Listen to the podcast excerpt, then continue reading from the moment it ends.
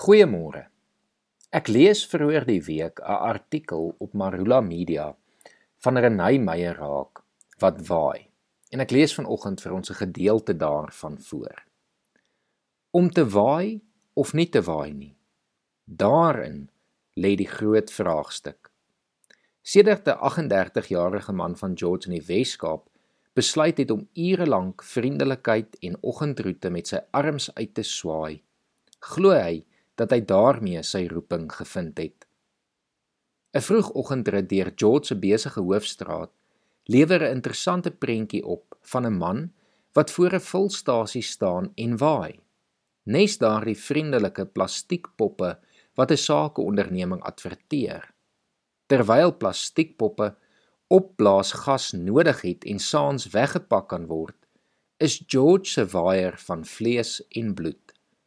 Hy en sy lewensverhaal kan kwaliek saans weggepak word. Renay Meyer se ouers moes hospitaal toe jaag toe 'n 4 maande oue baba se long plat geval het. Eers toe hoor hulle, hulle het verder skoknuus. Hulle seentjie is verstandelik gestremd. Die dokter het voorspel hy sal beswaarlik 7 jaar oud word. Renay was 5 jaar lank meer dikwels in die hospitaal as tuis met sy ma getrou naby hom, soms breiend om die tyd te verwyl, dikwels bidend vir haar sieklike kind. Getroud met 'n treindrywer wat moeilike skofte werk, moes Margaret dikwels haar seuns alleen grootmaak. Die dokter het verduidelik dis belangrik om nooit vir hy te bederf ten koste van sy ouer broer Clive nie. Margaret het hom geleer om sy naam in van te skryf en deesdae kan hy boodskappe wat sy vir hom neerskryf op sy selfoon natik. Kleintyd het Renay graag sy tyd verwyl deur in Wellington Straat in George, 'n besige straat naby aan hul huis, te staan en waai. Hy was dolgelukkig as mense toet en terugwaai. Intussen het sy ouer broer hom alles oor engines geleer. Renay het 11 jaar lank by Clive se werkswinkel engines uitmekaar gehaal en anderhandige take verrig. Eendag besluit hy, hy is nou klaar met die werkswinkel. Toe begin hy weer in Wellington Straat waai. Verbygangers was opnuut opgewonde oor hierdie vriendelikheid en doop hom toe die Wellington Waver. Toe wys die dorpskoerant George Herald hom in 2015 aan as George se persoonlikheid van die maand.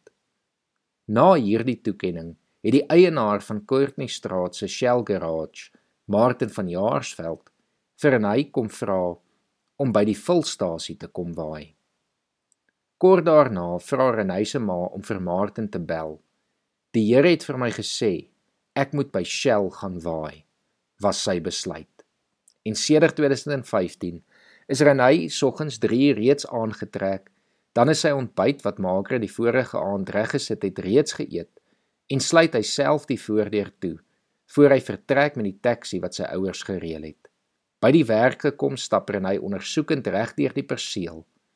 Die pot petroljoggies het so lief geraak vir hy. Daar is heeltyd grappies en humor. Iemand uit die publiek het vir hom 'n sonbril geskenk. Hy geniet die aandag en verbygangers se reaksie terdee. Dit het sy nuwe roeping geword. Om te waai of nie te waai nie. Gemeenskap met ander mense begin wanneer ons mekaar groet. Verkieslik, vriendelik met 'n glimlag.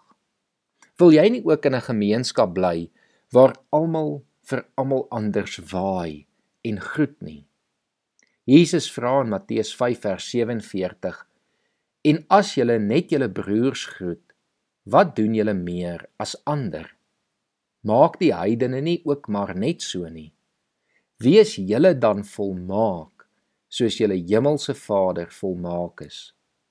Kom ons begin mekaar groet. Kom ons begin vreemdelinge groet.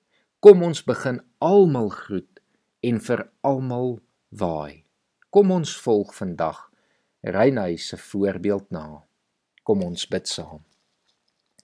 Here, dankie vir hierdie kosbare beginsel wat ons vanoggend weer kan leer. Dat dit so belangrik is in 'n gemeenskap om mekaar te groet en vriendelik met mekaar te wees. Here, help ons vandag om dit deur ons dag te onthou en dit as 'n gewoonte deel van ons lewens te maak. Amen.